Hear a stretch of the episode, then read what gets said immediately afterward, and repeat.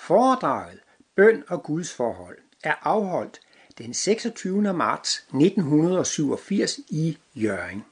Af alle mine foredrag i Jørgen er dette foredrag det eneste, der er blevet opbevaret på bånd.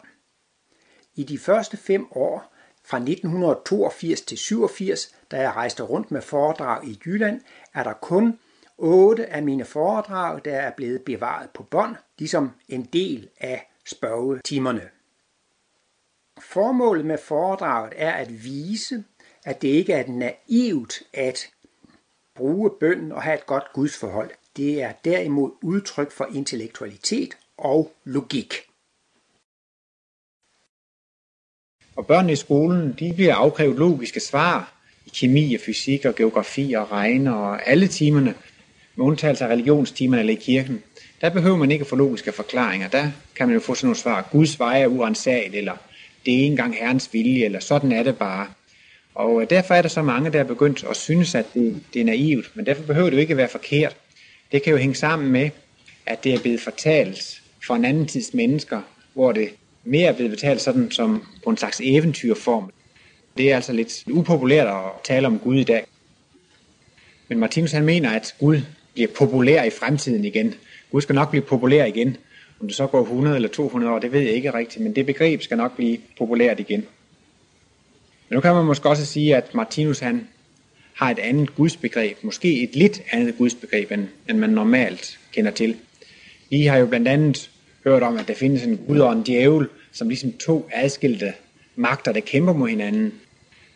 Der er også nogen, der opfatter Gud som et isoleret væsen, der eventuelt sidder på en hvid sky med, med et langt skæg. Eller, men i alle fald et væsen, der ligesom er isoleret fra noget andet. Men for Martinus så er guddommen det samme som det levende univers. Altså summen af alt, hvad der eksisterer, det er det samme som guddommen. Guddommen er ikke alene et, et åndeligt væsen, men i allerhøjeste grad også et fysisk væsen. Det er så hele den fysiske del af universet, er den fysiske del af, af guddommen. Og på den måde så bliver der altså heller ikke noget uden for guddommen. Det er ikke sådan, at guddommen kan snakke med andre guddomme, fordi at, øh, så vil der jo være noget uden for denne guddom, en anden guddom, som det kunne snakke med. Der er ingenting udenfor. Der er hverken djævel eller andre guddomme. Så øhm, på en måde er guddommen jo så stillet ligesom Palle, der er alene i verden. Der er sådan en børnebog der, Palle alene i verden. Det er meget kedeligt for Palle. I starten er det meget sjovt, men så derfor lidt, så begynder han at kede sig, fordi der er ikke nogen at snakke med, der er ikke nogen at lege med. Og sådan ville det faktisk også være for guddommen, at det ville være meget kedeligt, hvis den var virkelig alene. Og øh, det, der så gør, at der alligevel bliver en livsoplevelse, det er så, at dette guddomsvæsen, det er spaltet op i en række enkelte levende væsener. Det er det helhedsvæsen, det er summen af en lang række enkelte væsener, som så kan kommunikere med hinanden. Hele verden er opbygget med levende væsener, inden i levende væsener, inden i levende væsener. Vores molekyler og atomer er levende væsener. De lever inde i celler, der også er levende væsener. Og organer, der er levende væsener. Vores organisme, der er et levende væsen. Jordkloden, der er et levende væsen. Solsystem, galakserne, det hele universet, der er et levende væsen. Så alle levende væsener, de er bygget op af levende væsener, eller lever inden i et levende væsen. Guddommen, den er lidt anderledes end alle andre levende væsener, fordi det har kun en indre værd. Det kan ligesom kun skue ind i sig selv, fordi der er ingenting udenfor. Men ellers så har alle andre levende væsener også det, de lever inde i et andet levende væsen. Og der er altså så en evig forbindelse mellem denne guddom og så de enkelte levende væsener. På en måde kan man jo måske let sige, at der er en forbindelse, fordi hvis man definerer guddommen som alt, hvad der eksisterer, men er der også noget, der eksisterer, jamen så er jeg jo en del af guddommen, og dermed er der jo så sådan en, en kontakt eller en forbindelse. Men øh, det, der er hensydes til i titlen, det er jo altså også, også den åndelige kontakt, man kan have med dette det helhedsvæsen, eller dette guddomsvæsen. Der er en øh, kanadier, der hedder Richard Morris Bock, som i 1901 skrev en bog, der hedder Cosmic Consciousness. Og det er jo meget interessant, at der allerede i 1901 kom en bog med titlen Cosmic Consciousness. Så det er også et begreb, Martinus bruger, kosmisk bevidsthed. Denne kanadier, han havde altså selv fået nogle oplevelser. Han havde besøgt nogle venner, og de havde læst nogle digte op, blandt andet nogle af Walt Whitman. Og han følte sig i en sådan glad og harmonisk og lykkelig tilstand, da han kørte derfra i sådan en hestedrosje. Og så opdager han lige pludselig, at det brænder. Og i, i første omgang, så tror han altså, at det er byen, der brænder. Eller eventuelt, at det var hestevognen, der brændte. Men så opdagede han, at det var et lys, der kom fra ham selv. Så fik han så altså sådan en kosmisk oplevelse. hvor han oplevede, han sagde, at han fik mere viden i løbet af nogle få sekunder, han kunne læse sig til i overvis. Og han fik også en viden, som han overhovedet ikke ville kunne have studeret sig til. Og han fik altså også en virkelig oplevelse af lykke og særlighed. Og nogle af de ting, han oplevede, var blandt andet, han oplevede, at han var evig. Han var udødelig, han var et evigt eksisterende væsen. Og så oplevede han netop også, at hele verdenssalget var et eneste stort levende væsen. Og han oplevede altså, at alt vibrerede af liv. Og han oplevede, at der fandtes ikke noget som helst universet, som ikke var til gavn og glæde for levende væsener. Han oplevede altså, at alt hvad der eksisterer, er til syvende og sidst til glæde og velsignelse for levende væsener. Så det man kan sige, han oplevede, det var faktisk, han oplevede simpelthen guddommen. Han oplevede det levende univers. Og han oplevede altså, at kærligheden, det var øh, verdensandets grundtone. Denne forfatter Walt Whitman, han havde også haft sådanne tydeligvis kosmiske glimt, kosmiske oplevelser. Og så ud fra nogle bestemte kriterier, som han satte, altså den her ildoplevelse, oplevelse af udødelighed og evighed, og oplevelse af, at man får en viden, som man ellers ikke kunne få. Han satte sådan en række kriterier op, og så gik han så hele verdenslitteraturen igennem og, og søgte efter andre, der har fået lignende oplevelser. Han nåede i hvert fald 20 sikre tilfælde, måske var der 40 tilfælde i alt. Og blandt dem jo altså også Jesus og Moses og Buddha og Mohammed og Paulus og Dante og Jakob Bøhme og Swedenborg. Og der var sådan en, en, en lang række. Det, der var, ja, det slog mig, det var, at han særligt fremhævede, at de alle sammen havde et meget inderligt gudsforhold, at de havde et meget intimt forhold til guddommen alle sammen. Og det er måske også logisk nok, hvis man har en kontinuerlig udvikling. Altså denne kosmiske oplevelse, hvor de får denne oplevelse af, at hele universet er et kosmos, der er levende. Det er altså en guddomsoplevelse, en universel oplevelse. Det er altså også en oplevelse, man kan få uanset hvilken kulturkreds man kommer fra. Så oplever man denne universelle oplevelse. Men hvordan skulle man pludselig få sådan en, hvis man ikke langsomt havde vendt sig til denne guddoms eksistens? Det var jo nok meget karakteristisk, at alle de mennesker, der fik denne oplevelse, at de havde et meget inderligt gudsforhold i forvejen. Martinus skitserer altså sådan en udviklingshistorie.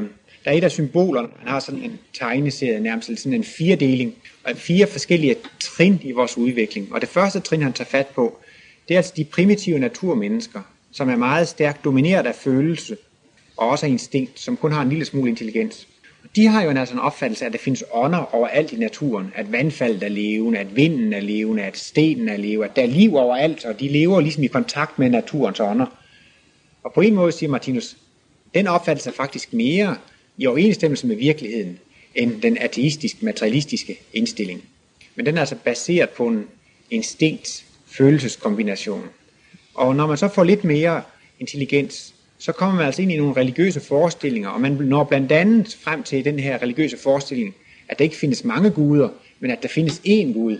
Men man har alligevel sådan et relativt uklart billede. Men der kan menneskerne altså have et meget intimt eller meget nært guddomsforhold, men det er altså også stadigvæk baseret på instinkt eller følelse. For, for sådan en stærkt troende mennesker, så er det ikke et spørgsmål om Gud eksisterer eller ej. Det er ikke det der spørgsmål, fordi det ved man bare. Det er ikke værd at diskutere. Så rent instinktivt, så har man den fornemmelse. Men så kommer man så til, at man kommer til at udvikle sin intelligens endnu mere. Så begynder man altså at synes, at det religiøse, det er for naivt. Så det er det eh, intelligensbetonede materialistiske stadium. Det er det tredje stadium. Men Martinus mener altså, at det, det er virkelig i heden et skridt fremad, fordi man udvikler intelligensen, man udvikler videnskaben. Og det man skal nå frem til, det er altså en selvoplevelse af sandheden. Man skal altså have en videnskabelig forståelse af, hvordan hele livet er konstrueret, og hvordan det er skruet sammen. Og øh, så kan man jo ikke nøjes med at have en religiøs tro, hvor man bare siger, herrens vej er urensagelig. Altså, det er jo ikke en forklaring, der kan tilfredsstille nogen som helst videnskabsmand eller et menneske med en videnskabelig holdning. Så vil man jo have en, en forklaring på det. Og øh, skal man så udvikle sin intelligens, så at man virkelig skal forstå livsmysteriet og forstå den åndelige videnskab, så må man altså have udviklet sin intelligens og have, have udviklet sin videnskabelige holdning. Og så er det nu engang lettere at bruge sin intelligens på et materielt område. Hvis jeg har to æbler her, to æbler her, det er fire æbler. Tager jeg tre mere, så har jeg syv æbler. Og det er jo ligesom til at tage at føle på, når man udvikler sin intelligens på det materielle område. Så det er et vigtigt trin i udviklingen. Men så det fjerde trin i udviklingen, det bliver altså, at man bruger denne analyseringsevne, denne intelligensevne, eller denne videnskabelige holdning, det kommer man også til at bruge på det åndelige område, og man kommer altså til at bruge den øh, på, at man simpelthen vil til bunds i livsmysteriet. Man vil altså simpelthen opleve sandheden. Målet med Martinus værker, han kalder jo sit værk for åndsvidenskab, og det er altså en håndbog til selvoplevelse af sandheden. Han vil altså, at hvis folk er interesseret i at undersøge livet, så kan man tage de her bøger som en slags håndbog, og som med den håndbog i hånden, så kan man gå i gang med at undersøge livet med en virkelig kritisk og videnskabelig holdning, sådan at øh, i den sidste ende, så er det ikke spørgsmålet om, man skal tro på, hvad Martinus skriver, eller man ikke skal tro på, hvad han skriver. Spørgsmålet bliver simpelthen, at man hele tiden går til sig selv og ser, om man selv har oplevet det, eller man ikke har oplevet det. Tidligere er vi også netop blevet ledet af religiøse autoriteter, og så har man så blindt fulgt disse religiøse autoriteter, og man har også haft præster, prædikanter, paver, provster og verdenskanøser, som man så har blindt fulgt. Men slutmål, det er, at vi skal blive vores egne autoriteter, at vi skal, vi behøver ikke at have en præst som mellemmand for at få denne guddomskontakt. Vi skal selv lære at kunne forstå livet, så vi bliver vores egne autoriteter. Martinus bøger, det er sådan en, en håndbog i at, at jagte Det, der er sket, det er jo sådan set, at vi har tabt kontakten med guddom. Vi lever jo i Danmark, og det er måske, eller næsten tror måske et af de mest materialistisk ateistiske lande i verden. Selv USA for eksempel, som er meget højt udviklet teknologisk set, men der er kirkerne jo stadigvæk fyldt, og jeg tror ikke, der er mange lande. Ja, og der er selvfølgelig også de østeuropæiske lande, hvor kirkerne de er blevet lukkede. Men jeg tror som nok, at der alligevel at de er en del religiøst interesseret selv i de lande, for eksempel Polen osv. Men i alle fald kan man se, at denne gamle religiøsitet, den er for nedadgående, og det ser jo altså ud som om, at Gud det er helt ydt. Men øh, det man så kan komme til ved at studere åndsvidenskab, det er altså det, at man kan komme til en øh, ny guddomsopfattelse, som er mere baseret på logik og fornuft og forståelse. Martinus vil gerne, at man øh, skal prøve at studere livet og selv tage rede på, hvordan tingene ligger til. Martinus har skrevet om livsmysteriets løsning, og der er tegnet et symbol med 12 facetter i dette livsmysteriets løsning. Det vil jeg ikke gå igennem, men der og også mange andre steder, så starter Martinus sådan en argumentationskæde. Vil man undersøge livet, så må man så tage fat. Så kan man så starte med at konstatere, at, at jeg eksisterer. Der er noget energi, som eksisterer. Begynder man så at undersøge den her energi, så vil man så se, at det er årsag og virkning, årsag og virkning. Alt, hvad der bliver afsløret på universiteter og læreranstalt osv. Det er jo lovmæssigheder. Man skriver den ene fysikbog efter den anden. Det er jo baseret på årsag og virkning, årsag og virkning, lovmæssigheder. Man tager kemibøger, lovmæssigheder, årsag og virkning. Og det er det også i dag, hvis man studerer historie, sociologi eller psykologi, økonomi osv., så, videre, så prøver man jo også på at afsløre visse sammenhænge, og, og så bliver det jo til videnskab, når man kan påvise disse lovmæssigheder.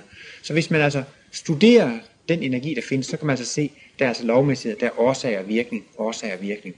Hvis man så yderligere begynder at se på denne årsagsvirkningskæde, så kan man se, at den også afslører logik. Altså går vi ud i naturen, så kan man se, hvor logisk tingene er. Der var jo den her fjernsynsserie med David Attenborough, hvor forunderlige jord, tror jeg, den hed. Og, og jeg synes, nogle gange det var så fascinerende, altså så så med den fugl, den havde lige en lille bitte krog og en lille bitte klo, der hang ned der, og så kunne den lige gribe fat i noget andet, og det var nogle sammenhæng, det var helt utroligt, så genialt, som det var tilpasset, så man kunne se, at det var utrolig logisk. Og biologerne, de handler jo faktisk også ud fra den, at alting, det har en hensigt eller mening. Hvis, hvis der er nogle biologer, der finder et nyt dyr, sådan, så siger de, eller et forstening, hvorfor har det så sådan et vedhæng der? Jamen det må der da være en forklaring på. Altså, man, man tror ligesom ikke bare, at den har haft et vedhæng, uden der har været nogen forklaring. Enten var det for at se smart ud, eller så er det fordi, den har været brugt, og den er ved at blive degenereret. Eller... Men de er alligevel kom til den tanke, når man undersøger sådan en organisme, det må have en hensigt. Det, det, det afslører altså logik. Og logik, det er jo ikke sådan, øh, hvad skal man sige, noget, der kan være øh, frit i luften svævende. Det må jo ligesom være, være en, en, det må jo være noget, der udspringer af en bevidsthed, altså af en bevidsthed. Og, og en bevidsthed, det må jo være knyttet til, til et levende væsen. Og øh, når vi kigger rundt i det her rum, så kan vi jo se, at der er lamper og ventiler dørhåndtager, kontakter, mikrofoner, borer, og bøger, båndoptag og kritter. Alting, det kan vi jo se at det er jo skabt af mennesker. Der har været et levende væsen, der har stået bag denne skabelsesproces. Alle de ting her, der har sådan en hensigtsmæssighed, det er altså blevet skabt af et levende væsen. Der er jo ikke nogen, der tror, at sådan en stol, den er blevet til ved en tilfældighed under, under en efterårsstorm ude i skoven. At så øh, grenene braset ned, så tilfældigvis er de faldet sådan, at det bliver til en stol. Altså alt, hvad vi sådan ligesom kan se, der har en hensigtsmæssighed inden for vores egen sansehorisont, der har man den tankegang, at der ligger der en skaber bag det. Det er ikke kommet til ingenting. Og jeg mener, naturens skabeprodukter, altså med organismerne, hele planterne og dyrene, det er jo meget mere genialt end sådan en stol og et bord.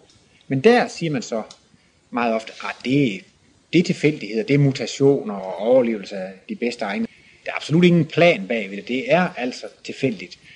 Men øh, der bliver vi så lidt uvidenskabelige, for ellers har vi jo altid gået med til, at, at bag sådan en skabt ting har det været en skaber, og der har været en, en idé, en, en, en skabeplan. Vores problem det er så bare, at vi kan ikke rigtig se, hvem det er, der er skaber af naturen. Hvor, hvor skal vi placere den her skabende bevidsthed? Hvor skal vi placere den her plan? Men hvis man virkelig studerer naturen, så kan man jo ikke undgå at se, at det udvikler sig fra primitive former til mere fuldkommende former, til mere fuldkommende former. Altså jeg mener, går man tilbage, så var det bare sådan nogle ringorm og fladorm og sådan nogle sækdyr og sådan nogle meget primitive nogen. Så bliver man da nødt til at sige, at, at fisken er højere udviklet, at pattedyrene er højere udviklet, og vi er det højst udviklet pattedyr. Man kan se på hjernens udvikling bare fra en lille nervestreng med en lille knude på, så vokser den og bliver større og større. Man kan da tydeligt se, at, at udviklingen går i retningen af større og større fuldkommenhed fra primitivitet til fuldkommenhed. Der ser man da også, at studere med naturen, det afslører der planmæssighed. Og der er det så, at øh, det er svært at komme ind på, hvad det er, det, der skaber der. Skaberen bag alt i naturen, det er altså guddommen. Man ser altså tydeligt, at der er en hel verdensplan eller en hel verdens logik. Og øh, vi mennesker, vi er under skabelse. Man kan jo spørge sig, hvad er egentlig alt det, der sker? Altså hvis nu man kigger på alt, hvad der sker i hele universet, altså, så kan man jo se, at alt det er bevægelse og vibration. Alt det bevæger sig og vibrerer sig. Så kan man så spørge sig, hvad skal der jo alt det til? Altså hvis man studerer ned i atomernes verden og i naturen, altså, det, det er bevægelse og vibration over det hele. Og det svarer Martinus ret kort på. Det har nemlig det ene til formål at skabe bevidsthed. Alt, hvad der foregår i naturen, det har det til formål at skabe bevidsthed. Der foregår altså ikke noget som helst i hele universet, som ikke har det til formål at, at skabe bevidsthed, og det vil altså sige at udvikle levende væsener fra primitivitet til fuldkommenhed. Og så ser man jo efterhånden jo så også, at så begynder guddommen jo at få en ganske central placering, fordi at det er altså guddommen, som står bag enhver skabelsesproces. Altså det er guddommen, der står bag hele denne plan, og da alt, hvad der foregår, er et led i denne plan, så ser vi, at guddommen, så at sige, taler til os igennem alle ting, det kan jo være svært måske at se en sådan plan, når man betragter det ud for et liv.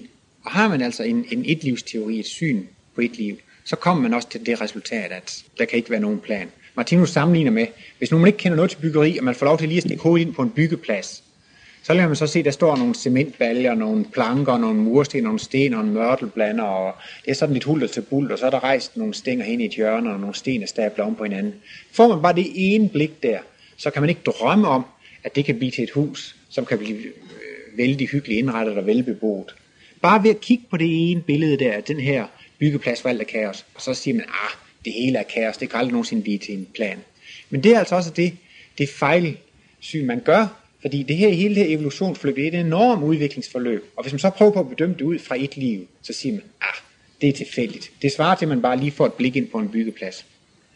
Martinus bruger også det her billede med, at øh, vi er under skabelse, og øh, vi, vi kender jo det her med frugterne, så, så bliver blomsterne bestøvet, og så bliver der så dannet en, en befrugtet frø, så kernen vokser frem, og så, så, så kommer frugten, den vokser frem, og så er den jo så sur, og så til sidst så bliver det så til en meget vel, velsmagende frugt. Der er jo ligesom en helt plan bag sådan frugtens udvikling. Og det sammenligner Martinus med menneskehedens udvikling. Og øh, den er netop mange, der synes, det hele ser tilfældigt og kaotisk ud. Altså der er AIDS, og der er atomtrusler, der er forurening, og der er kriser og konflikter og terrorisme, og det hele ser så. Men øh, det er jo det, man skal jo ikke, hvis nu man får et surt æble, og så bider man i puha, det er jo surt, så forkaster man æbler, vil ikke have noget med, fordi æbler er sure. Men altså, man kunne jo vente og se, indtil de var blevet modne og velsmagende. Man skal ikke bedømme et produkt på et af de forløbige stadier, og det er altså også det samme med menneskeheden. Vi er så at sige på frugtens sure stadium, altså på det led i skabelsesprocessen. Og så er spørgsmålet jo altså, hvordan vi selv forholder os til denne skabelsesproces. Der er altså en vis plan, der er en verdenslogik. Og der kan man så principielt handle på to forskellige måder. Man kan altså gå med denne plan. Man kan selv aktivt deltage i denne skabeplan eller verdenslogikken. Og så kan man altså gå imod denne plan eller imod verdenslogikken. Men nu er det ganske vist også inkluderet i planen, at vi kan gå imod planen, så man kan ikke helt ødelægge planen. For nogensinde at skulle føle sig lykkelig, så er man også nødt til at have følt sig ulykkelig. For nogensinde at sætte pris på at leve, så at sige, i kærlighedsocean, så må man også have levet i, i modsætningen til det. Man kan ikke opleve en eneste ting, hvis man ikke oplever modsætningen til det. Forudsætningen for, at man kan opleve, at noget er koldt, det er, at man oplever, at noget er varmt. Forudsætningen for, at øh, ja, man kan være lykkelig, det er, at man har været ulykkelig. Man kan ikke opleve én ting isoleret. Man er nødt til også at have oplevet modsætningen. Og for at man nogensinde skulle sætte pris på at have et evigt liv, så må man også have levet en epoke, hvor man kun tror, at man har det her ene fysiske liv. Og for en gang overhovedet at sætte pris på at være samhørig med hele verdensalt og føle, at man er et med hele det levende verdensalt, så er man også nødt til at have følt en totalt adskilthed fra dette verdensalt. Og det er netop den epoke, man er inde i, i materialismens og ateismens epoke, hvor man føler sig et med den fysiske krop. Det er den største adskilthed, man kan have fra andre levende væsener. Det er den største adskilthed, man kan opleve fra guddomsvæsenet. Men det er absolut en helt nødvendig ting, for at man senere hen kan sætte pris på det. Vi vil aldrig nogensinde sætte pris på at leve i sådan et kærlighedsocean, hvis vi ikke havde oplevet modsætningen. Og jo større nød, og jo større ulykke, og jo større elendighed vi kan opleve, desto større bliver den lykke og glæde og velsignelse altså også, som vi kan komme til at opleve. Så det, der er afgørende, det er jo så netop, hvordan, hvordan er så ens egen forhold til denne verdensplan, denne verdenslogik, eller hvordan er så ens eget forhold til dette levende univers, denne, denne guddom. For når man kan begynde at komme på den tanke, at det hele er en eneste stor levende helhed, så forstår man jo godt, at man selv får det bedre, hvis man er til gavn for omgivelserne. Og hvis man saboterer omgivelserne, jamen så kommer man jo selv til at leve i saboterede omgivelser, og så får man jo et dårligt liv et sådan måske lidt for enkelt eksempel, men hvis jeg nu har en celle her i min hånd, som begynder at blive enormt egoistisk, så stjæler den maden fra alle de omkringliggende celler. Den stjæler så meget, så de omkringliggende celler dør. Men så har den jo også gravet sin egen grav, for så dør den jo selv, fordi den kan ikke leve omgivet af døde celler. Så er den ødelagt for sig selv. Men tager vi vores organisme af alle dets organer, så er det faktisk et glimrende billede på, hvor, fordi vores, vores organisme, den fungerer sådan set perfekt. Nej, jo, altså hvis man er, hvis man er sund og rask, så, så fungerer det jo perfekt. Og det fungerer på den måde, at et hver organ arbejder til gavn og glæde for de andre organer. Det er jo ikke sådan, at hjertet den dag siger, nu skal jeg lave lidt sjov med lungerne, nu skal lungerne ikke have noget blod i dag, og leveren skal heller ikke have noget blod i dag, men nu stiller den forkerte vej rundt. Men så var det jo ikke ret længe, så får hjertet jo ikke noget brændstof, og den får ikke noget ilt, og så dør den jo selv. Så, så der kan man altså se, når man skader omgivelserne, så skader man sine egne livsbetingelser. Og det er jo netop det, der, der er vores det største problem i dag, med at, øh, at vi ikke nødvendigvis lever til gavn og glæde for helheden, men at vi også lever meget egoistisk. Det hænger så sammen med den udvikling, vi har gennemgået fra, fra planter til dyr, til pattedyr, til jordmennesker, som vi er nu. At det er en, øh, en udviklingsepoke, hvor man altså skulle opleve denne mørke kontrast, øh, kulminationen af at opleve lidelser. Og øh, det har naturen sikret mest effektivt ved at putte os ned i en fysisk organisme, som kun kan fungere, hvis den får fysisk mad. Så det at opretholde sin livsoplevelse i en fysisk krop, det betinger altså, at man har en selvopholdelsesdrift, det hele tiden byder en at kæmpe for føden. Og da der så er en begrænset mængde føde her på jorden, der er jo ikke noget som helst, der går til spilde i naturen. Alt bliver genanvendt, og man bruger også til at udtrykke den enes død af den andens brød. Så altså det er nedlagt i os som et instinkt eller som en automatfunktion, at man skal kæmpe. Så for dyrene er det jo helt korrekt at være egoistiske. Men altså, hvis man virkelig skal nå frem til et lykkeligt liv, ja, Martinus mener altså, at udviklingen går kun i én retning, og det er altså fremad og opad. Øh, hver gang man har gjort en erfaring, så har man udviklet sig. Hver gang man har oplevet noget, så har man udviklet sig. Man bliver kun klogere og klogere hele tiden. Og ondskab eksisterer Absolut set ikke. Det skyldes kun uvidenhed, når vi er onde, og vi er egoistiske, så skyldes det kun uvidenhed. Så det sikrer altså, at udviklingen går fremad. Og vi når altså til et fysisk paradis her på jorden. Men det er så netop baseret på, at man ikke handler egoistisk og selvisk, at man ikke handler efter jungleloven, men at man begynder at handle efter nye principper. Og der er det jo altså denne kontakt med guddommen, at det kan være en enorm hjælp for en, øh, fordi man kan komme ud i så store lidelser og mørke, man næsten ikke ser nogen anden udvej. Og øhm, Martinus bruger meget ofte den her lignelse, som I sikkert alle sammen kender fra Bibelen, om den fortabte søn. Og den øh, symboliserer i virkeligheden et udviklingsforløb, som er altså milliarder af år. Den begynder sådan set allerede i den åndelige verden, før man når til mineralerne, og så beskriver den så det udviklingsforløb, der er igennem mineralrigt, planterigt, dyrerigt, frem til vores trin, og så symboliserer den faktisk også et udviklingsforløb, som ligger flere tusind år foran os. Og det, der hedder i lignelsen, det er jo det, at denne fortabte søn er hjemme ved faderen. Altså han er hjemme ved Gud, og der har han det godt. Men det bliver åbenbart lidt for trist eller for trivielt. Han vil gerne ud og opleve noget. Så får han så udbetalt sin arv, og så går han så ud i verden og solder alle pengene op og, og bruger hele sin arv. Og han solder jo og skærer så meget ud, så, så det sidste så klasker han rundt i mudderet og spiser af det samme tro som svinen, altså den dybeste fornedrelse, den dybeste ulykke. Og jeg mener, at det er, det er der, vi er kommet til øh, i udviklingen i dag. Man må sige, bunden, bunden er nået, og det er den altså også, både med sygdom og forurening og krig, og altså, når man ser tv-avisen, det er jo helt utroligt, hvad det egentlig findes af, af dårlige nyheder. Ja, jo, selvfølgelig er der også gode nyheder en gang imellem, men det er egentlig utrolig mange dårlige nyheder. Men det er netop fordi, vi er inde i den epoke. Og hvad gjorde han så, den stakkel, da han spiste der troet?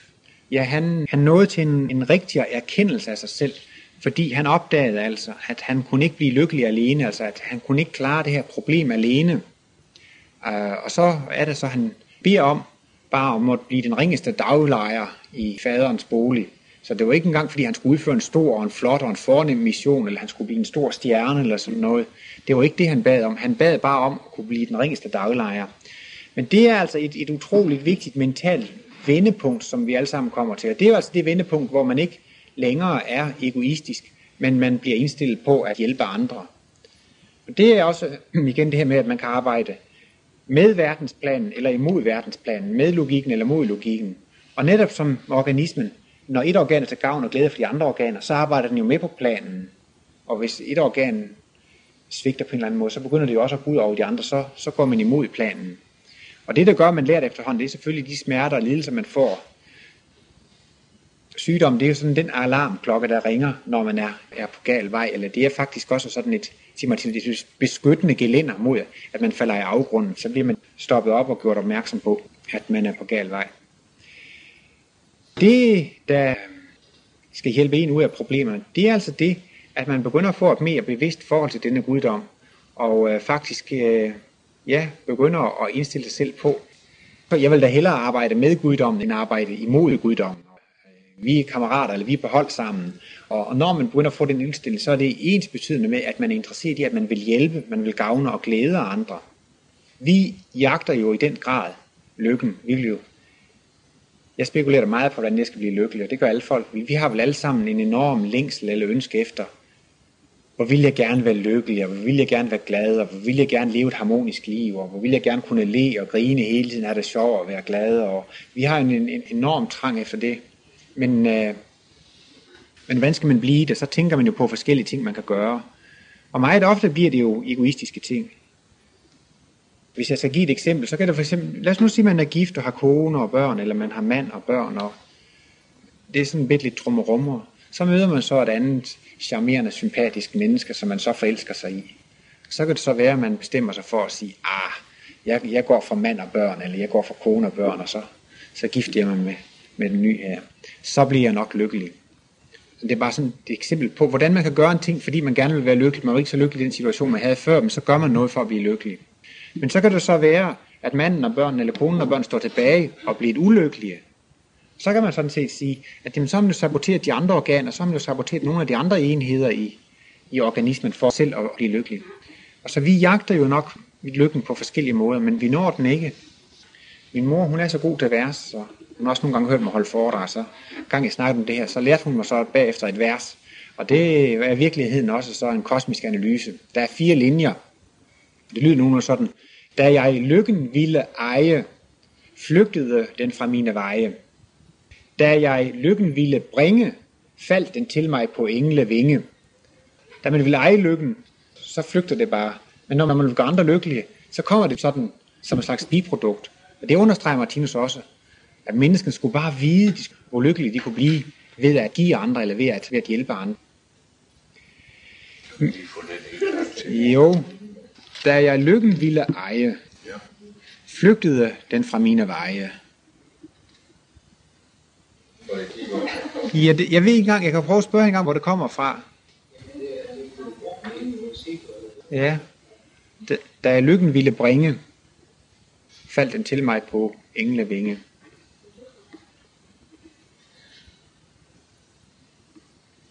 Det er også sjovt med sådan nogle poesi, altså sådan meget ofte, så ligger der jo simpelthen en kosmisk analyse i det, eller en, en stor evig sandhed. Lykken ville bringe fat til. Til mig på englevinge. Og det der med det englevinge, det er jo netop det, at det kommer på sådan en måde, som næsten ikke lægger mærke til det. Eller dem skal også lidt det her med smil til verden, og verden smiler til dig. Eller hvis man gør nogle gode gerninger, så får man også en god karma. Men hvordan gik det til, at man fik den gode karma? Ja, det er næsten lidt mystisk, hvad skal man sige. Og det er også symboliseret med, at det kom til mig på englevinge. Det er også ligesom sådan lidt, lidt uforklarligt, men, men det virker alligevel. Men øh, så siger jeg, jamen så vil jeg så prøve at løse mine problemer. Altså, jeg må da også sige, at jeg har da også, jeg tænker meget på den der lignelse med den fortabte søn. Det er da også meget ofte. Jeg har mine problemer og kriser, jeg synes jeg er ikke tilfreds med min tilværelse, og sådan, og så tænker jeg, nu har jeg alt det her kosmologi og så videre, nu må jeg så prøve at bruge det, og hvad må jeg gøre, ikke sandt? Og, og der føler jeg mig altså ofte faktisk ligesom den fortabte søn. Og det vil sige, at man kommer i en situation, hvor man ligesom erkender, jeg kan altså ikke klare det her alene, jeg kan ikke klare det her problem alene, og nu har jeg prøvet det og det og det og det, jeg er stadigvæk deprimeret, jeg er stadigvæk ked af det, eller jeg er stadigvæk træt, eller det her problem er stadigvæk ikke løst. Jeg vil så gerne have det her problem løst. Jeg mener, at vi alle sammen vil komme i sådan en situation, hvor ligesom løbe panden mod muren og indse, at jeg kan ikke løse det her problem alene.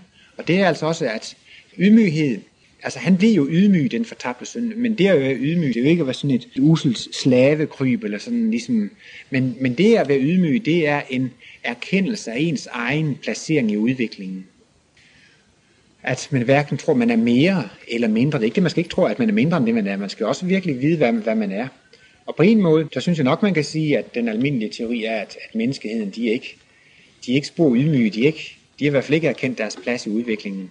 For når man hører om, hvad folk forestiller sig, man kan gøre med genteknologi og gensplejsning og rejser i universet osv., så, videre, så får man næsten det indtryk, at folk tror, at vi mennesker, vi er universets herrer, at det er os, der bestemmer. Men hvis man altså kigger på, de enorme bevægelser, som planeterne gør, de er solen og gør, galakserne, så det er jo så kæmpe store, velordnede bevægelser, der foregår i hele universet.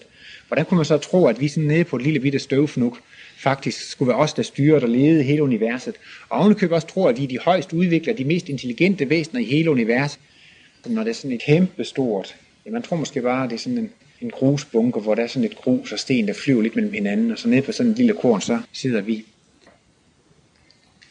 der er også, nu kan jeg også lige tage, nu nævnte det her med sygdomme og atombomber og forurening osv., man er også bange for, at det kan gå helt at lave. Men det mener Martinus, det behøver man heller ikke at være så bange for, fordi i den sidste ende, så er det altså ikke de forskellige præsidenter og konger i de forskellige lande, der bestemmer. Fordi at det, det er jordkloden af et levende væsen, der også bestemmer, og solsystem osv. Hvis jeg er sulten, så kan min mave jo godt sige, nu vil jeg have mad. Men trods alt, så er jeg jo en overordnet instans, så kan jeg sige, nej, du får ikke noget, jeg faster. Så jeg er overordnet mit organ, ikke sandt? Og i virkeligheden så er vi mennesker også kun et organ inde i jordklodvæsenet. Så det er ikke os, der styrer hele jordklodvæsenet. Og det er altså heller ikke os, der styrer hele udviklingen. Og det er netop det, at øh, man kommer altså til et trin i, i udviklingen, hvor man bliver nødt til at erkende, at jeg er ikke almægtig. Det er ikke mig, der bestemmer og styrer udviklingen. Det går kun, når jeg skal leve i en, i en levende enhed, hvis jeg vekselvirker med denne levende helhed. Og det, der så bliver det næste spørgsmål, det er så, hvordan får man så denne kommunikation, eller denne, dette samarbejde med guddommen, hvordan, øh, hvis nu man siger, okay, okay, jeg giver op, jeg vil gerne være på dit hold, og jeg vil gerne øh, gå med på planen og idéerne, sådan at det kan gå, gå fremad i rask tempo. Så er det ligesom med at se eller forstå, hvordan guddommen ytrer sig eller manifesterer sig. Der taler Martinus meget om livets direkte tale. Jeg tror, det er allerede i stykke 6, stykke 6 i livets bog, Benit. han kommer ind på det her med livets direkte tale, og han taler også om guddommens direkte personlige korrespondence til hver enkelt af os. Og han mener, at det er et af de allervigtigste ting for os mennesker, det er, at vi begynder at lære at forstå livets direkte tale. Der er en af mine venner, som bruger det her eksempel med, hvis nu det er en skoleklasse, og læreren han står op ved tavlen og er begyndt at skrive og tegne noget, så eleven de fiser og farer bare rundt mellem hinanden og laver ballade og smider kridt og papirkugler på hinanden, og læreren han fortsætter bare med at undervise. De har ikke engang lagt mærke til, at læreren er kommet ind i klassen så lærer de jo praktisk talt ingenting, fordi de er ikke klar over det. Hvis der en siger, høj, læreren er kommet ind, han er begyndt at undervise, hvis de så vender sig om og kigger op på tavlen og, og ser, at læreren underviser, ja, så lærer de jo meget mere, når de er klar over, at læreren er gået i gang med at undervise. Men det er faktisk den situation, vi er i i dag, at vi går i livets skole. Det er en stadig undervisningsproces, vi er underkastet. Men det normale er, at vi er slet ikke klar over, at der findes en lærer. Men denne lærer er altså guddommen. Og i det øjeblik, man ligesom stopper op og begynder at blive opmærksom på, åh, der er en undervisning i gang, og jeg vil blive undervist, så fremmer man jo indlæringen kolossalt. Der er også mange mennesker, som ligesom føler, at hverdagen den er så grå og trist, og bare jeg dog kunne hæve mig op over den grå hverdag, og der er måske nogen, der tager forskellige meditationsformer, sådan ligesom for at tage afstand fra denne grå verden. Men det, den er aldeles ikke grå. Den er i allerhøjeste grad guddommelig. I og med netop, at guddommen og så har en fysisk organisme, det er hele den fysiske del af verden. Så vi kan altså have en, øh, en vekselvirkning med guddom på to forskellige måder. Dels igennem den ydre fysiske verden, og dels igennem bønden, som er en telepatisk tankeoverføring, som er en øh, psykisk proces. Og øhm, ja, I er vel alle sammen bekendt med karmaloven, det er jo det sidste foredrag i den her serie, men altså, al den her undervisning, den er vi jo altså også selv involveret i, fordi vi kommer til at tage konsekvensen af alt, hvad vi gør. I den indiske filosofi taler man om karmaloven, og i Bibelen taler man jo om, som du så, skal du høste. Og inden for fysikken, der taler man jo om årsag og virkning, eller årsag og effekt, eller man kan også, inden for så moderne procesregulering, taler man om feedback, altså tilbagemelding. Og det vil sige, altså vi får effekt, vi får en konsekvens, vi får en tilbagemelding, eller vi kommer til at, at høste det, vi har gjort. Og så kunne man jo tro, at livet eller tilværelsen var sådan en slags karma-robot, en skæbnemaskine. Hvis man har gjort en ting, ding dong, så kom det tilbage, ligesom når man spiller billard eller sådan noget, altså, at det gik sådan helt maskinelt, at hele livet var sådan en straffemaskine eller en karma-maskine. Men det er det altså slet ikke. Det er altså hele tiden et levende væsen, som er med til at udløse vores skæbne, sådan at hele vores liv, det er altså en vekselvirkning. Faktisk mellem to levende væsener. I virkeligheden, så er der kun to her i verden. Det er mig, og så resten af universet. For det kan hver jo sige, der er kun mig selv og resten af universet. Eller det er også det samme som at sige, der er to levende væsener i verden. Det er mig, og så guddommen. Og, altså, og er det sådan, at man så at sige kritiserer nogen, forfølger nogen, bagtaler nogen, sårer nogen, ikke sandt? ja, så er det virkelig en guddom, man bagtaler og, og sårer og, og kritiserer.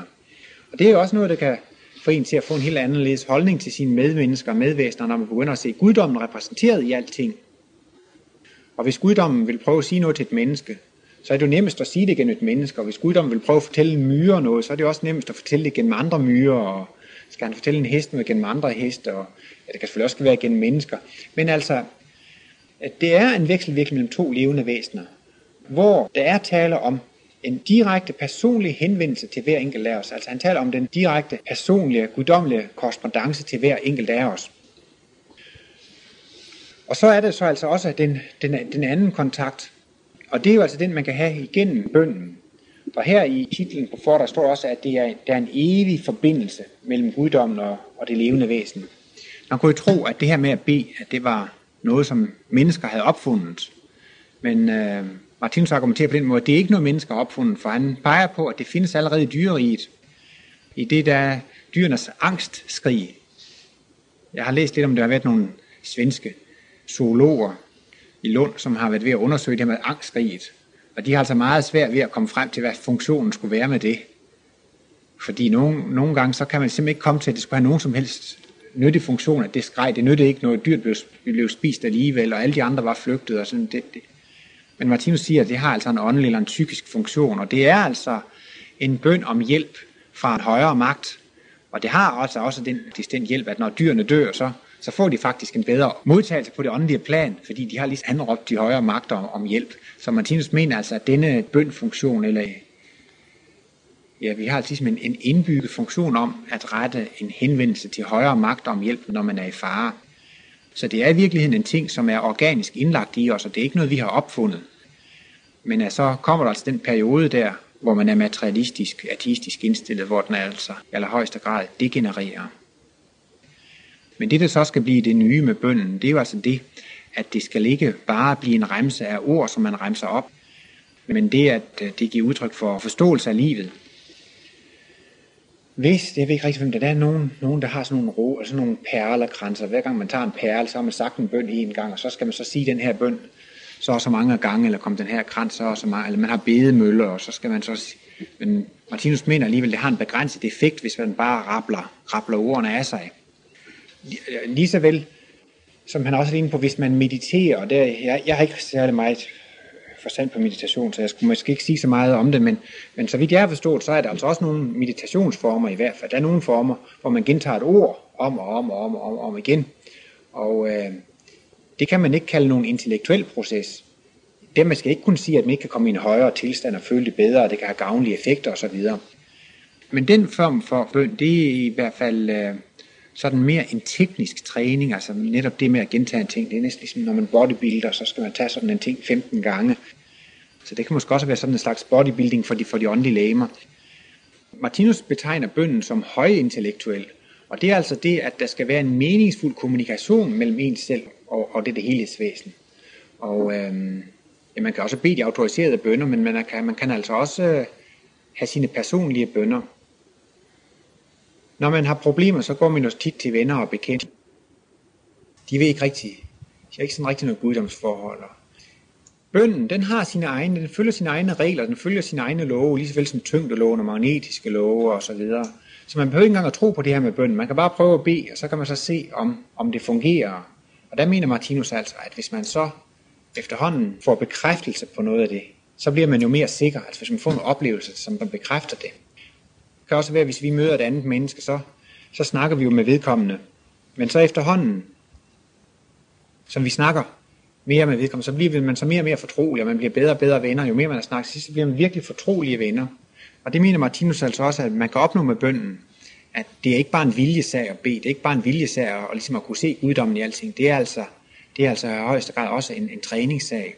Og der kan man måske netop opleve, at hvis man virkelig har nogle hvad skal man sige, intime problemer, nogle af sine inderste problemer, som man ikke føler, man kan tale med andre, men som man beder om hjælp om. Og hvis man så begynder at opdage, at det hjælp, så begynder man efterhånden at få en mere personlig kontakt, og så begynder man ligesom at tro mere på det. Så det er altså faktisk en, en, en personlig proces, som man skal igennem, og så, så kan man så efterhånden se, øh, om, om, eller så kan man måske se, at, at, at, at det hjælper. Og øh, ja, der er måske netop nogen, der tror, at det kan være lidt, lidt naivt det her med at bede, men øh, Martinus mener, at, at det er faktisk noget, som hører til, til et højere trin i udviklingen, det der at B, selvom nogen tror, at det, det hører til nogle lavere trin. Men netop denne intellektuelle forståelse af livet gør, at, øh, at, at det bliver et højere trin. Og netop den der bog med de her mennesker, som fik kosmiske glimt, det er jo ingen tvivl om, at det var meget højt udviklede mennesker.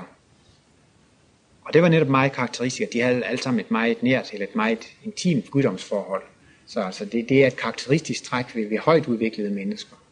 Martinus personligt fortæller jo også, at han bad mange gange om dagen. Hvis han for eksempel skulle køre bil, så bad han om, at han ikke måtte komme til at, at skade nogen. Han bad om, at han ikke måtte komme til at køre nogen ned. Eller ja, hvis han gik ind og skulle holde møde med nogen, så bad han om, at det måtte gå godt, eller at øh, hvis han skulle holde et foredrag, eller, eller i det hele taget sagde han, hvis han følte, at det var et eller andet, der var forkert, nogen der var vrede, eller et eller andet, der var galt, en far på færre, eller sådan noget, så sagde han, så, så tænkte han på Gud med det samme, eller han bedte. Og han sagde, det kan man jo gøre, det kan man jo gøre mange steder, det kan man gøre alle steder. Men, men selv så havde han også sådan en hovedbøn, og det anbefalede han også alle andre, at sådan en hovedbøn, hvor man sådan ligesom går igennem alle, alle dagens, dagens hændelser. For det kan have en meget sundhedsbringende effekt. Hvem vil ikke gerne virkelig have livskraft og livsmod og livsløst? Og øh, det mener jeg, det kan man ikke få, uden man har et godt guddomsforhold. Og i samme omfang, som man har et dårligt guddomsforhold, så kommer man meget nemt til at miste livskraft og livsløst. Og det beror altså på den måde, man ser på omgivelserne på. Den gamle måde, det er ligesom at se på det med, med den her Gud og den her djævel. Djævlen, det er ophav til alt det, der er ubehageligt, og Gud, det er ophav til alt det, der er behageligt. Og vi har jo sådan en vanetænkning, at vi ser på de andre som årsagen til mine problemer. Altså nu har jeg problemer, fordi chefen fyrede mig. Det var fordi, han ikke kunne lide mig. Nu er chefen skyld i det her. Eller nu er min kone så irriterende, så hun er skyld i alle de her problemer. Nu er min mand skyld, og nu er min børn skyld i de problemer hvis bare de vil rejse langt væk, eller selv kunne rejse langt væk, så er problemerne væk. Fordi det, det, det er de andre, der er problemet. Og det er jo simpelthen så nemt at blive vred og irriteret på andre mennesker. Og når man gør det, så er det fordi, man ser dem som årsagen til, til, øh, til ens ubehag. Og der er det, jeg mener, at det kan være en enorm hjælper den virkelig mental hygiejnisk foranstaltning, og så bare tænke, jamen herregud, det er jo guddommen, som taler til mig. Hvis nu altså der er nogle mennesker, som er så modbydelige og ubehagelige over for en, eller det kan være måske være ens allerbedste ven, som gør en eller anden ting, som man sagde, det havde jeg altså aldrig troet, at vedkommende skulle gøre med mig. Det kunne jeg aldrig have drømt om, og så kan man virkelig føle sig såret, og, og man kan ligefrem blive sur og vred og så videre. Og øhm, ja, Martinus mener altså, at, at, at det farligste tankeklima, eller det mest øh, usunde tankeklima, man kan have, det er det, at man har martyrs tanker. Altså, det er også det samme faktisk, som det, at man ikke kan tilgive andre. Hvis man er martyr, så føler man sig uretfærdigt behandlet. Det vil altså sige, at man føler sig selv som en uskyldsren engel, og så er de andre altså årsagen til problemerne. Jeg mener for eksempel, der er meget godt i den vestlige psykologi, men blandt andet det, at nogle mennesker, som har psykiske problemer, neuroser, psykoser osv., det kan man så til sidst spore tilbage til forældrene, som væltede en af natpotten, eller gjorde et eller andet, da man var barn, og så opstod alle problemerne, fordi ens forældre op, op, øh, opdrog en forkert, behandlede en forkert i to-tre års alderen. Og hos nogle mennesker, så afsætter det et enormt had til forældrene. Altså, de kan gå og hade forældrene, fordi de har ødelagt mit liv. Hvis jeg var blevet opdraget anderledes, så havde jeg været anderledes. Og det kan simpelthen blive sådan et helt blindt had, fordi de mener, at det er forældrene, der er årsag til det. Ja, det er det måske nok i en vis forstand, men altså, hvis man så tager reinkarnationstanken og repetitionsforholdene med osv., så, så indser man jo, at det var jo dybest set ikke forældrene, der var årsag til det. De har bare været de udløsende faktorer for, at man kunne genopleve noget, man, man selv har gjort tidligere. Men det nævner jeg bare som et eksempel på, hvordan man kan blive bitter og vred og hadefuld, fordi man ser årsagen til sine problemer hos andre. Og det er virkelig noget, der tager livsløst og livskraft. Martinus bruger det udtryk, den største mentale byrde, man kan lægge på sine egne skuldre, det er det, at man ikke kan tilgive andre. Og det er der også, tror jeg nok, er efterhånden en ret kendt årsag. At mange mennesker, som er sure og bitre og vrede, er mere modtagelige for sygdom, end hvis man virkelig er livsglad og smiler og glad. Og jeg ved ikke, om I har hørt den her bog, Jeg lå mig rask. Det er en eller anden amerikaner, som blev meget alvorligt syg. Jeg kan, jeg kan ikke huske, hvad han hedder, men på dansk hedder bogen Jeg lå mig rask. Og øh, han begyndte så at lege øh, Chaplin-film, Marx Brothers og tegneserier. Han gjorde simpelthen alt, hvad han, han ligesom anstrengte sig at gøre alt muligt for at komme til at grine og så videre. Og så viste det sig altså, at selvom han næsten var dødsdømt, så, så redde han sig i land og blev rask. Og det har han så anbefalet mange andre.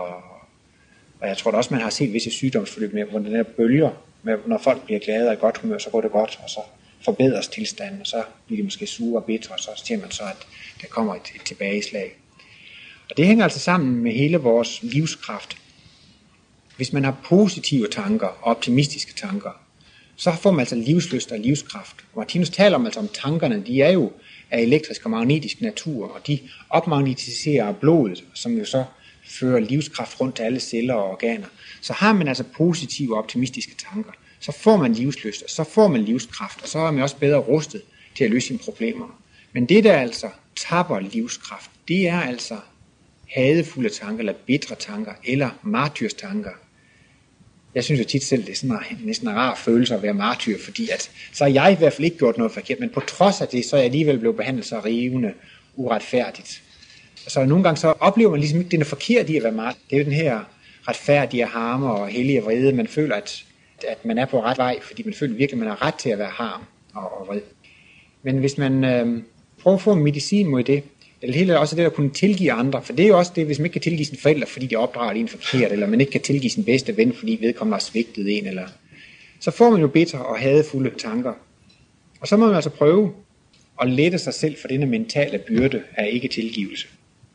Og der mener jeg altså også, at denne forbindelse, eller det der guddomsforhold, det er det allerbedste middel til at fjerne martyrumstanker også, og, og lære at tilgive. Jeg kan da tit selv mærke, når jeg går og er træt og deprimeret, så jeg siger, nu vil jeg prøve at tage fat i det her. Og så viser det sig næsten også altid, at der er nogle mennesker, jeg er skuffet over, og ting, jeg er lidt, jeg er skuffet over, lidt utilfreds med. Og så, så prøver jeg at tage fat på det, og der har jeg sådan ligesom et trepunktsprogram, jeg skal prøve at, når jeg nu prøver på at tilgive mennesker. Og det, og det første det er altså, at jeg skal forstå, at jeg selv er årsag til problemerne. Det er simpelthen karma Det er ikke de andre, der er årsag til det. Det er også ligesom, når, når postbuddet kommer med en regning, så nytter det jo ikke noget at slå postbuddet ned og spare ham, fordi han er kommet med en regning. Fordi det er jo noget, jeg selv har købt tidligere, så nu må jeg selv øh, betale det. Og sådan skulle vi så lære at kigge på alle vores omgivelser som postbud, der bringer besked for vores tidligere handling. Og det andet, det er det, at der er ingen, der kan handle bedre, end de gør. Man kan ikke bebrejde nogen af de handler, som de gør, for vi gør det alle sammen præcis så godt, som vi overhovedet kan. Man kan kun handle ud fra de erfaringer, man har gjort indtil dato. Man kan ikke forlange for, af folk, at de skal handle ud fra erfaringer, de gør i morgen, eller ud fra erfaringer, de gør om 10 år. Man kan ikke bebrejde et tre måneders barn, at det ikke allerede kan tale og gå og cykle og fløjte og alt sådan noget. Det er jo tåbeligt også at bebrejde et 10 års barn, at det kan lige så meget som et voksen for 30 år. Det tager jo tid, det tager udvikling, det, det tager erfaring. Så jeg selv årsag problemerne, og de andre kan altså ikke gøre det bedre, end de gør det. Så der er ingen logisk grund til at være sur og bitter på andre. Og så er det så det tredje der. Det er netop også, hvis man så kan se livets direkte tale, eller Guds personlige korrespondence til hver enkelt af os, og ligesom se, det er altså guddommen, der prøver på at fortælle mig noget. Det er livets skole, og her får jeg den mest perfekte, ja, det er særundervisning med støttepædagog og det hele. Man får den mest udsøgte personlige undervisning. Og selvom det er lidt smerteligt, så kan man så prøve måske alligevel at taknemmelig for den undervisning, man får. Og det mener jeg, at det er næsten toppen, hvis man kan nå det, at man så takker for de problemer, man har fået, fordi man indser, at det er noget, jeg selv har gjort tidligere, og jeg er sandelig glad for, at jeg bliver gjort opmærksom på det. Og jeg skal sandelig nok være fortælle nogle andre om, hvordan jeg har oplevet det her. Fordi der er tit folk, de går og kritiserer andre. Det kan næsten blive en yndlingsbeskæftigelse at kritisere andre og fortælle, hvor forkert de har gjort det. Men det man i virkeligheden gør, det er at man går rundt med store skilte. Her skal I se, hvordan jeg selv har været. Her skal I se, hvordan jeg er. Fordi hvis man udtrykker den kritik af, hvordan de behandler en selv, så er det jo bare, at man højt og tydeligt fortæller, nu skal I høre, hvordan jeg selv har været tidligere. Og hvis nu det er koldt vejr, så kan vi jo tage termotøj på, og hvis det er regnvejr, så kan vi tage en paraply, så vi beskytter os mod vejret. Når man opdager nogle smitsomme sygdomme, så kan man så blive vaccineret, så man bliver immun, så man bliver udmodtagelig over for de her sygdomme. Og man kan faktisk også ved hjælp af bønden blive immun, blive immun over for ulykkelige skæbner og blive immun over for ulykkelige tilstande. Man kan måske ikke, man kan ikke blive immun over for at skulle opleve et vist ubehag, men altså man kan blive immun over for at føle sorg og ulykke over den tilstand. Altså selv en lidelsesfuld tilstand, så kan man komme til at tage den på, på en rigtig måde. Ja, Martinus mener, at man, ja, man burde jo egentlig gå så vidt, at man til og med takkede sine fjender, fordi de gjorde, fordi de har været så venlige og, at arbejde med på ens øh, omdannelse fra primitiv til fuldkommen. Men prøv også en gang at tænke på, altså hvis man kommer ud for et eller andet ikke nok med, at man takker, men også at regne ud og forstå, at, at man er taknemmelig for alt det ubehag, man har oplevet, og man kan ligefrem takke sine fjender. Tak, fordi du arbejder med på. Så er man blevet immun. Selvom man alligevel kan have sygdom og men, men uh, man er ude af sådan en, en sorgfuld og deprimeret tilstand. Og det er altså også virkelig noget, der giver livsløst og, og livskraft. Vi kender sikkert også de der symboler, der er foran og bag på, på livets bog. Det her med øje for øje og tand for tand, og så den der på forsiden, det der med, med tilgivelsen. Martinus mener jo, at det er faktisk menneskets største problem, at de mener, at de har ret til at forsvares. Det manglede bare, at jeg skulle finde mig i det, og så gav jeg igen, og det finder jeg mig kraftigt med i, og det manglede bare, og så giver man igen. Og det mener netop også det her med guddomsforhold, at det kan gøre, at man kan komme til at tage det på en helt anden måde, men man er bare ikke vant til det. Vi er jo moderne mennesker her i det 20. århundrede, og vi lever jo i moderne omgivelser. Men vi har alligevel meget ofte en bevidsthed, som er over tusinder år gammel, en stenalder eller en vikingemoral. Hvis vi nu bliver udsat for et eller andet ubehag, en eller anden form for kritik, eller en eller anden ydmygelse, eller vi bliver fyret eller et eller andet, det første man drømmer om, det er jo sådan set at få revanche. Man drømmer om at få oprejsning. Og hvis man så ovenikøbet kunne påpege i den sidste ende, at det var nu mig, der havde ret, og ikke dem, der havde ret. Man kan ligesom gå og fantasere om næste gang, jeg møder det og det, og næste gang, jeg møder, så skal jeg virkelig sige det og det, sådan at at jeg kan vise, at det var de andre, der gjorde forkert, eller jeg gjorde rigtigt. Eller hvis man smækker med døren og forlader et firma, eller et arbejdsfællesskab, eller en bestyrelse, så nu, kan det, nu vil jeg sgu ikke være med. Så går man alligevel og drømmer om, en dag, så skal de nu komme til at mangle mig. De skal komme til at savne mig. Og en dag, så skal nok komme op, at det skal vise sig, at det var rigtigt, det jeg sagde på mødet. Og, og det er jo virkelig vikingemoral. Altså man går og, og drømmer om at få oprejsning, og man går og drømmer om, at de andre skal ned med nakken. Og det er altså hele de, de her forsvarstanker. Og det er altså en tankegang, som også slider meget på vores, vores moderne, vi er jo nutidsmennesker, det slider altså meget på vores nervesystem og, og tænke på den måde. Martinus siger, at det der med Jesu korsfæst, det var en helt afgørende begivenhed i jordkloden. Og der står jo noget om, at, at der var jordskæld, hvor det blev mørkt, og de døde stik op af graven og så videre. Og så siger Martinus, der er virkelig noget om snakken, for det er jo en så stor gennemgribende hændelser for hele jordkloden. Altså det, var, det gav ligefrem sådan en helt nervereaktion i hele jordklodens organisme i form af de der jordrystelser. Og øh, det var fordi, at der blev det virkelig for første gang demonstreret, hvor langt man skal gå i at finde sig i andre ting. Altså, man synes jo, altså, der må der være en grænse for, hvad man skal finde sig i, og så føler man, at man har ret til at gøre gengæld og hævn sig og vil, vil have oprejsning. Men det var netop det, Jesus skulle vise, at der er ingen grænser for, hvor meget man skal finde sig i. Man kan lære at finde sig i alting. Og det bliver så også en helt anden måde, man kan prøve at tage sin skæbne på. Lad os nu sige, at jeg får modtager et brev, og det er et meget ubehageligt brev, jeg får rigtig skal ud, og der står en hel masse ting, som måske nok er sande, og halvdelen af dem, det passer måske ikke, jeg bliver beskyldt for en masse ting og sådan noget. Så går jeg så og spørger, hvordan skal jeg nu tage, tage igen? Men, men til så kan man også bare sige, man kan næsten sige ligesom Jesus, Nå ja, jeg tager imod den her skæbne, kom nu bare med det hele, og øh, jeg skal bare prøve at besvare det her med venlighed. Der kan man for eksempel også bede om, og næste gang man møder et menneske, der har været uforskammet over for en, man kan bede om at få inspiration til at være venlig over for dette menneske. Man kan bede om, at en situation må opstå, hvor I kan sige et rart ord eller et venligt ord. Man kan bede om inspiration til at finde på det, og man går og forbereder sig på ønsker og bede om, at man må sige noget venligt. I stedet for, at man vil begynde at kritisere og give igen med samme mønt. Jeg tænker nogle gange på det sådan, hvis nu man går i skole og skal til eksamen osv., og så i bedste fald, så er den eksamen overstået, og åh, det var rart, så var det overstået. Så har man sommerferie, så kan man så købe nogle nye bøger, og så gentager det den, åh, så var den eksamen overstået. Og sådan bliver det altså også med, når vi møder ubehag udefra. At prøvene først bestået i det øjeblik, man ligesom siger, nå, tak, kom bare med det. Og så tænker man, tænker, har jeg virkelig været sådan? Det kan jeg ikke tro. Men det må jeg jo have været, siden jeg får det. Og ja, det er jo da så tydeligt, at det er ubehageligt, så nu skal jeg virkelig prøve på ikke at, at gøre sådan noget igen, og, og prøve at være taknemmelig. Og på den måde simpelthen bare tage den her karma ind og bare sige, okay, jeg tager imod. Og man behøver ikke engang at forsvare sig. Det er også nogle gange, når jeg har sådan nogle lærer elevmøder, så er der sådan nogle, måske nogle elever, der siger til mig, ja, men altså, den undervisning vil ikke være tilfreds med, du er uforberedt, og det er sådan og sådan, og det er noget skidt. Så det første, man tænker på, det er så at sige, ja, men I er også uopmærksomme, I er sådan og sådan, altså. Meget hurtigt kommer man på den tanke, ikke? Men den måde, man skulle handle på, så siger man, tak, Nå, men det er jeg da glad for at høre, når, når mener I det, jamen, øh, tak for informationen, og jamen, det skal jeg da virkelig tænke over, og, og, og sådan bliver det altså den nye handlemåde, at man simpelthen begynder at lytte til livets direkte tale, og så bare tage imod. Og så har man både stået eksamen, for det kan jo være, at vi har en, en, en større, ja vi har jo både god karma og dårlig karma, der står og venter på os. Men vi har sådan en vis sum, så man burde jo sådan set bare være glad. Hver gang man har oplevet noget rigtig ubehag, så man bare sige, åh, oh, hvor er det dejligt, nu er det her overstået, nu er det ude af verden. Og jeg vil ikke give mig til at kritisere og svare igen, fordi så skriver jeg bare, bare den samme regning igen. Martinus mener altså også, at der ligger altså noget magisk i det her med bønden, når det er sådan et langt bånd. Jeg troede, det var det er 45 minutters bånd, du har i. Når jeg troede lige dengang, den, den, den sagde klik første gang, så tænkte jeg, det var jo kun en halv time, så. Men så kiggede jeg på klokken, så, så det var altså tre kvarter, der var gået der.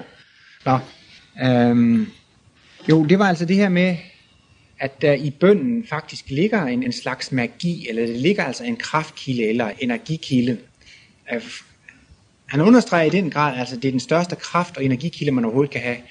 Det at bede kan ikke nødvendigvis forandre ens skæbne, men man kan altså virkelig få, få styrke og kraft og energi til at gå tingene igennem.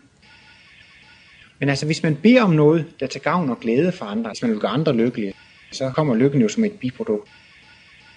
Hvis man virkelig begynder at gå og med, hvordan kan jeg hjælpe andre, ja, så kan man ovenikøbet bede om at få lov til at hjælpe andre. Og man kan simpelthen ikke have nogle projekter, der får mere medgang, og mere succes og mere medvind. Det er jo tit, hvis man går i gang med et projekt, så vil man jo gerne have det lykkes. Men altså den største garanti, man har for, at de projekter, man sysler med, at de lykkes, det er det, at de projekter har det formål at gavne og glæde og, hjælpe andre. Hvis man så ovenikøbet beder om det, altså, så vil man simpelthen opleve, så får man hele den åndelige verdens medhold og støtte.